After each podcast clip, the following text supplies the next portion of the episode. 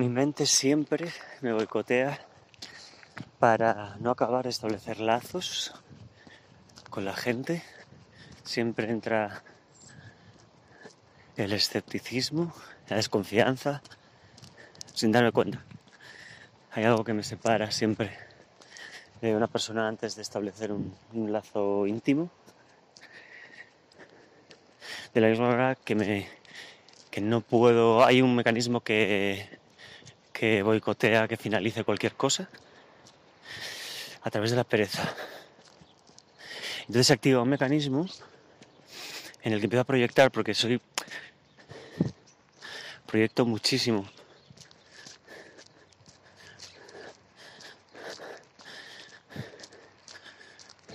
Mi inhabilidad para acabar algo, mi pereza, con eh, imperfecciones en los demás.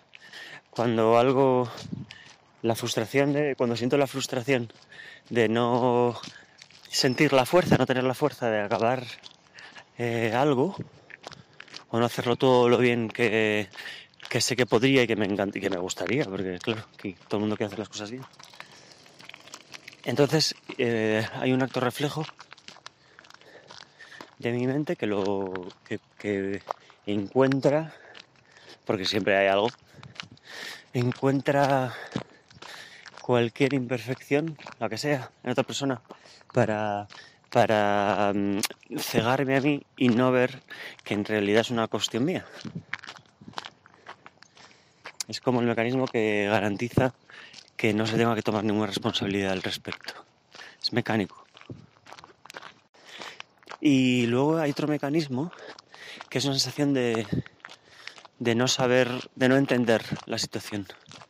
Hay como una especie de neblina eh, intelectual en la que en la que siento que, que soy incapaz de comprender una situación.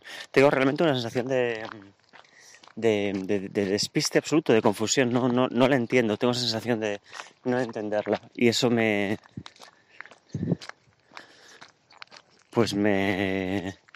De alguna manera me, permite de nuevo ser eh, perezoso y, y, postergar eh, la toma de responsabilidad para cuando lo entienda. I think relationships are unsatisfactory because the terms are never clear. Because I don't dare to set boundaries. Um,